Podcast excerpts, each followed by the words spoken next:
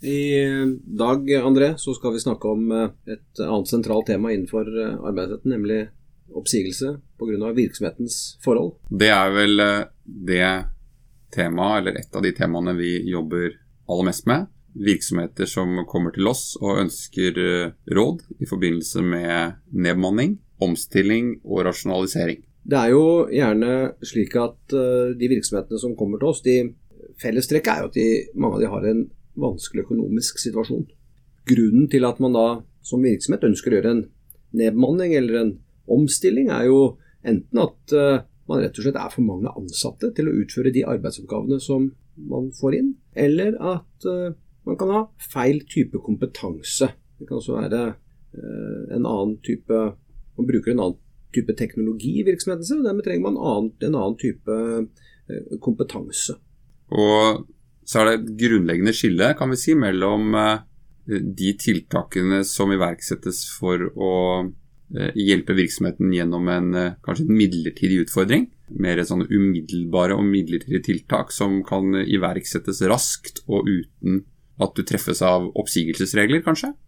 Og de mer varige, kan vi kalle det selskapsgjennomgripende tiltakene som skal være med på å redusere kostnader på lengre sikt og sikre lønnsomhet på lengre sikt. Og Her har vi jo skillet mellom uh, permitteringsreglene, som jo er regler uh, som uh, virksomheter kan benytte seg av dersom det er en kortvarig økonomisk nedgang.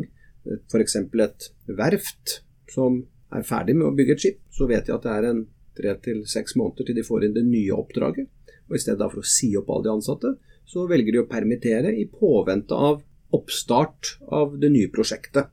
Mens de mer varige selskapsgjennomgripende tiltakene, hvor man ser at her vil det gå flere år, kanskje man er inne i en resesjon, inne i en, en nedgangsperiode, så ser man at nå må vi redusere kostnadene våre. Og det er jo dessverre slik eh, for de aller fleste virksomheter at lønnskostnader er en stor kostnadsbase. Og lønnskostnader også det som er det letteste å kutte i. Det er lettere å kutte det enn å få forhandlet ned husleien og få ned prisene på råvarer osv.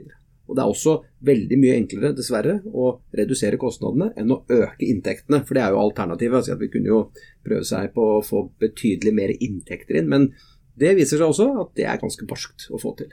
Så er det jo slik at eh, disse permitteringsreglene, bare for å si noe kort om det før vi går videre, de er jo bare i begrenset grad lovfestet. Hovedavtalen LO-NHO kapittel 8 er på mange måter et uttrykk for den rettstilstanden vi har, og der vil man finne regler når det gjelder permittering. Og så finnes det jo lovgivning knyttet til eh, rett til lønn uh, i forbindelse med permittering. Vi kommer ikke til å si så mye mer om permittering eh, nå, utover at det er viktig eh, å være klar over at eh, de mer varige og selskapsgjennomgripende situasjonene, de langvarige resesjonene, de kan ikke løses gjennom permittering. Det har det vært en del saker på hvor arbeidsgiver har forsøkt å bruke permitteringsinstituttet, hvor det skulle vært brukt oppsigelse pga. virksomhetens forhold. Og Når det gjelder disse omstillingsprosessene, så er det jo sånn at vi, arbeidsgiver har jo gjerne behov for flere ting samtidig. Man har dels behov for å redusere antall ansatte, men, det er også behov for å omstrukturere virksomheten. Det kan være behov for å opprette nye forretningsområder, det kan være behov for å ha en økt satsing i enkelte eksisterende områder. Og en del av disse omstillingstiltakene innebærer jo ikke nødvendigvis at man må gå til oppsigelse av den enkelte ansatte. Det kan være at omstillingstiltaket ligger innenfor arbeidsgivers styringsrett. Og eh, arbeidsgivers styringsrett, det er jo ulovfestet rett.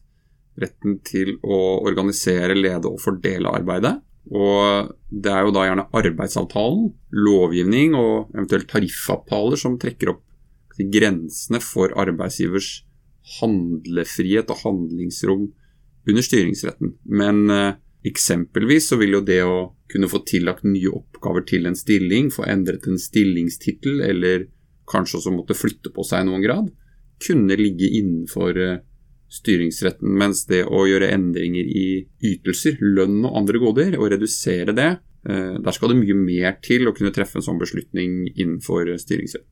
Vi ser vel ofte det at når dette spørsmålet kommer opp, om et tiltak er innenfor styringsretten og dermed kan gjøres uten en oppsigelse, eller om det er behov for å gjøre en oppsigelse fordi man endrer stillingen så mye at man kan si at du skal ha en ny stilling, så er jo ofte vårt råd å heller gå veien om en oppsigelse. Man sier opp vedkommende i den stillingen man sitter i, og tilbyr vedkommende ny stilling på nye vilkår.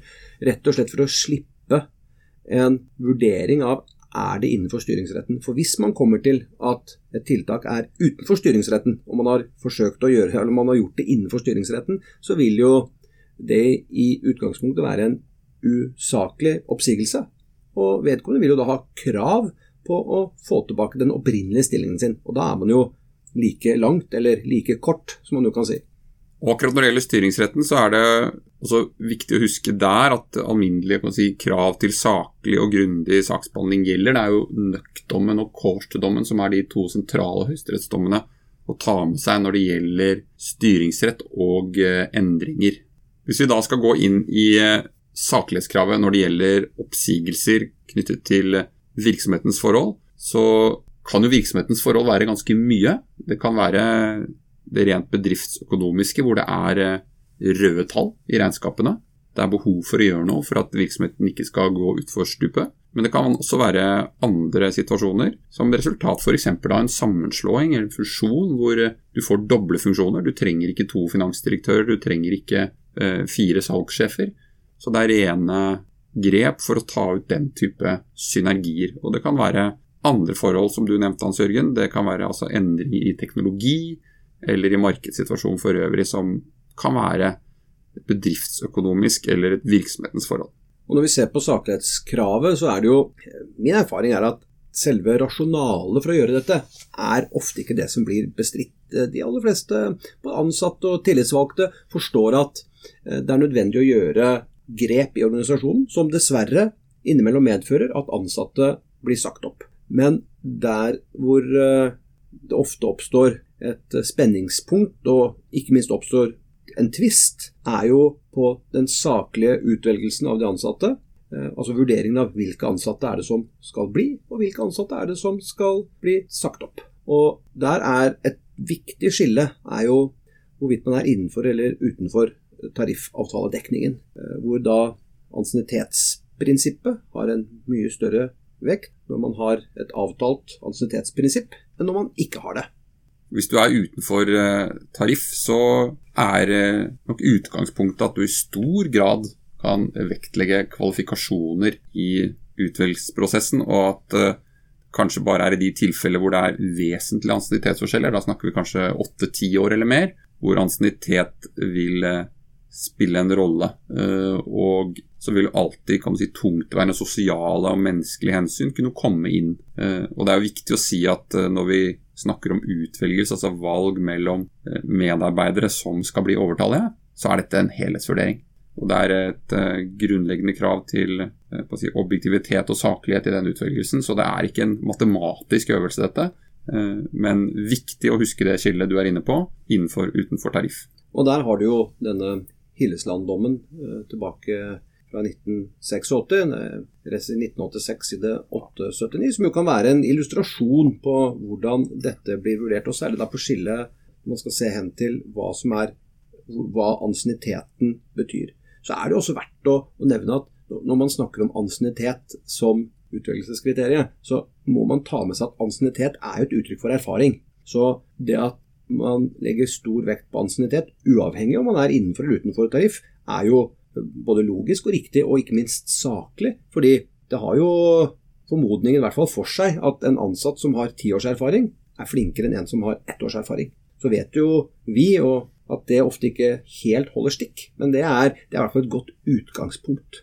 Og så er det jo, Hvis man går til selve bestemmelsen i arbeidsbelovens paragraf 15-7 eh, eh, annet ledd, så er det jo greit å få med seg at her er det for det første slik at hvis det finnes annet passende arbeid i virksomheten, så vil ikke arbeidsgiver ha saklig grunnlag til oppsigelse. Og Da tror jeg den bestemmelsen må kunne leses slik at her snakker vi om annet passende ledig arbeid. Fins det relevante arbeidsoppgaver å tilby som er ledig, til en person som har blitt overtalt i én rolle, ja, da kan du ikke gå til oppsigelse. Og, så, og her kan vi kanskje nevne uh, Sparebanken Nord-Norge-dommen, rettstiden 1992-776, uh, når det gjelder dette med virksomhetsbegrepet og uh, hvor langt du skal gå i å måtte se etter annet passende arbeid innenfor eh, en virksomhet. Skal man se på hele aksjeselskapet, som jo er den klare hovedregelen, eh, eller kan man legge mindre enheter til grunn hvis det er en eh, geografisk inndeling? Eller kan det tenkes at du må gå enda lenger i et konsern hvor ansatte har jobbet på tvers av de ulike konsernselskapene? Og Så kan du kanskje si litt om interesseavveiningen, Hans Jørgen? Interesseavveiningen er jo en helhetsvurdering som arbeidsgiver må gjøre. Arbeidsgiver må se hen til den ulempen en oppsigelse medfører for den ansatte, og holde det opp mot behovet virksomheten har for faktisk å gå til oppsigelse.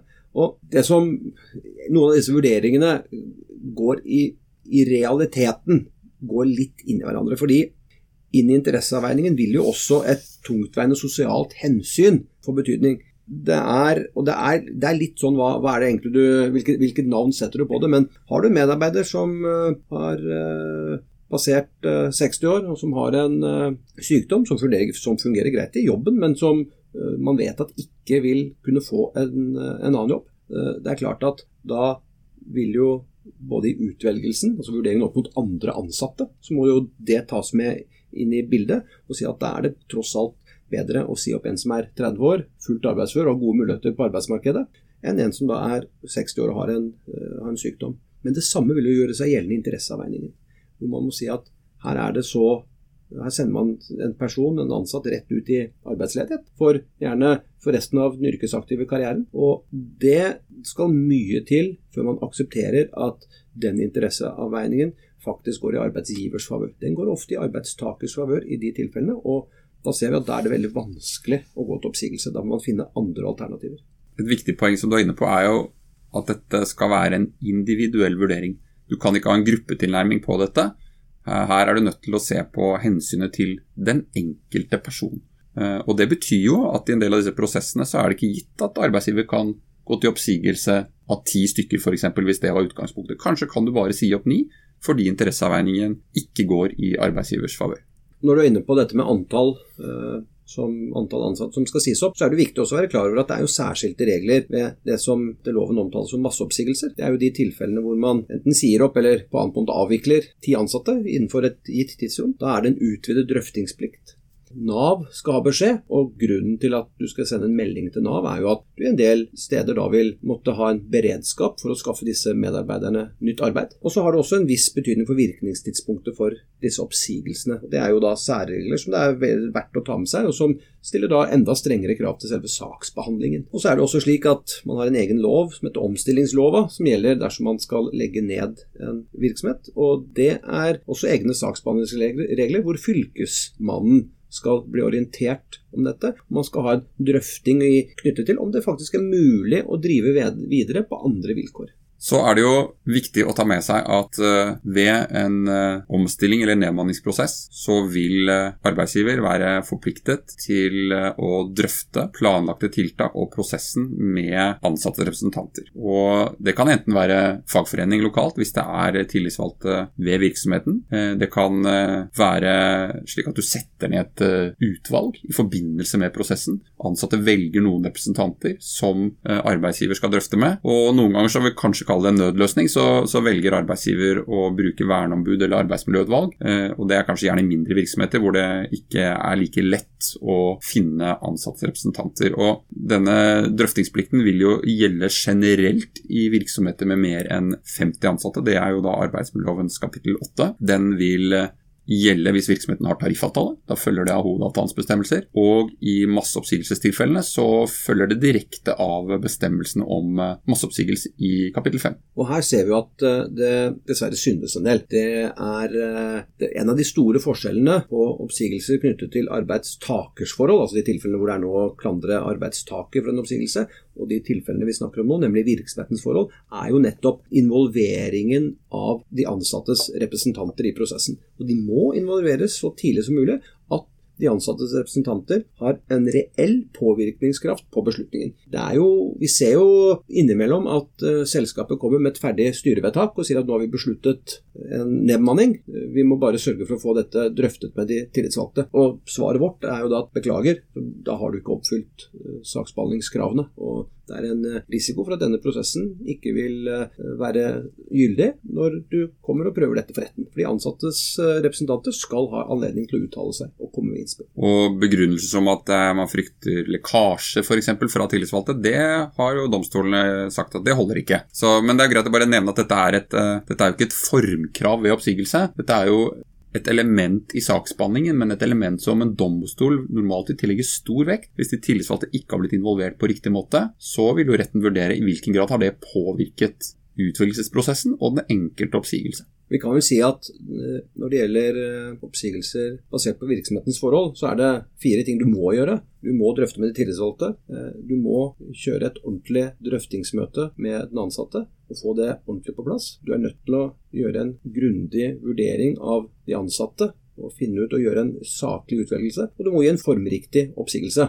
Hvis du klarer det, så er det kommet et godt stykke på vei i denne type prosesser. Men vi ser innimellom at det glipper litt her. Og så tenker jeg vi skal si litt om dette valget mellom ansatte. Fordi ved overtallighet så er det jo dessverre slik at virksomheten må foreta et valg. Du Må finne ut hvilke ansatte er det som skal være med videre, og hvilke er det som ikke skal være med videre. Og Det er jo da basert på utvelgelseskriteriene som man har drøftet med de tillitsvalgte. Prosessen kort fortalt er jo gjerne at bedriften mener at man har behov for en ny organisasjon, man detaljerer den. Så går man inn på kompetansebeskrivelsen for hver enkelt stilling og sier at i den nye organisasjonen så trenger vi denne kompetansen. Når man har gjort det, så må man jo gå inn på individnivå og gjøre en foreløpig innplassering. Og Da må man ta en vurdering og si disse medarbeiderne vi har gjort en kompetansekartlegging. Sier at disse medarbeiderne har denne kompetansen. Ansatt A har den, ansatt B har den. Og så må man da se hvem, hvem kan vi sette inn i hvilke stillinger, og hvem kan vi gi litt opplæring, kanskje en tre til seks måneders gi opplæring for at det skal kunne fungere i stillingen. Så gjør man den vurderingen knyttet opp til kompetanse, men også personlig egnethet og antinitet, som vi har vært innom, og også selvfølgelig da de sosiale forholdene. Og Dette må da være en forsvarlig saksbehandling, og det må være Eh, svært viktig at man ikke tar utenforliggende eller usaklige hensyn. Det er jo den trynefaktoren som vi innimellom ser kommer opp, likes og dislikes i denne settingen, som, som gjør dette litt vanskelig. Og valget av hver enkelt ansatt må kunne dokumenteres. Ja, Det siste er veldig viktig, og her synes det også at eh, Arbeidsgiver har kanskje tenkt riktig og gjort mye riktig, men det er ikke tilstrekkelig dokumentasjon for uh, prosessen. Bare si litt om dette med utvalgskrets også, Hans Jørgen, helt kort. Det er jo slik at uh, Når du skal gjøre en utvelgelse, så er jo utgangspunktet at alle ansatte i det aktuelle selskapet, gjerne et aksjeselskap, må vurderes opp mot de gjenværende roller og stillinger som eh, er i virksomheten. Man kan jo tenke seg da at selskap som Norsk Hydro eller andre selskaper med tusenvis av ansatte Eh, det blir ganske krevende hvis du skal eh, kompetansekartlegge flere tusen ansatte hver gang du skal gjøre en omstilling, en nedmanningsprosess i en avdeling f.eks. Og da er det jo rom for å, å se på enkeltenheter, enkeltavdelinger, og holde resten av virksomheten utenfor i en slik prosess. Men da er det også viktig at en sånn utvalgskrets, som vi kaller det, er eh, drøftet med og forankret hos eh, de tillitsvalgte før man går i gang. Og så er man jo kommet så langt i prosessen at arbeidsgiver nærmer seg selve beslutningen om oppsigelse. Og da er det, som vi har vært litt inne på, helt avgjørende at man gjennomfører individuelle drøftingsmøter. Og de individuelle drøftingsmøtene må jo skje på bakgrunn av en foreløpig utvelgelse. Og her eh, er det vel også en del som synder, André? Ja, og dette er jo arbeidsmiljølovens paragraf 15.1. Og Poenget med denne bestemmelsen er jo kontradiksjon, egentlig. Altså Arbeidsgiver har etter en foreløpig kompetansekartlegging og utvelgelse kommet til at en bestemt person dessverre er den som må gå. Eh, men kanskje har du ikke snakket med den personen eh, i den prosessen, og det er jo viktig at vedkommende får anledning til å si noe om egen kompetanse. Er kompetansekartleggingen riktig? Eh, er det sosiale, tungtveiende forhold som du som arbeidsgiver ikke vet om med meg, som ikke du har tatt hensyn til ved utvelgelsen? Disse tingene må på bordet før arbeidsgiver treffer sin endelige beslutning. Og der ser vi jo at mange gjennom dokumentasjon og på annen måte har tatt beslutningen før det møtet, og da er det lett for arbeidsgiver, gjerne sammen med advokat, å pirke i den prosessen og si at dette ikke er reelt, og dette legger domstolene stor vekt på. 15.1-møtet er viktig eh, ved vurderingen av om utvelgelsen har vært saklig, og sånn sett oppsigelsen har vært gyldig. Jeg tror at Det er en del arbeidsgivere som har fått seg noen aha-opplevelser i disse drøftingsmøtene, hvor eh, jeg har selv vært til stede i noen, hvor en ansatt sier at nei, men jeg har jo en eh, jeg er jo siviløkonom, jeg har jo en formell utdannelse som ikke dere har klart å få med dere i kompetansekartleggingen. Det er skrevet feil hva gjelder ansiennitet. Husker et tilfelle hvor det sto at en person hadde 0,1 års ansiennitet.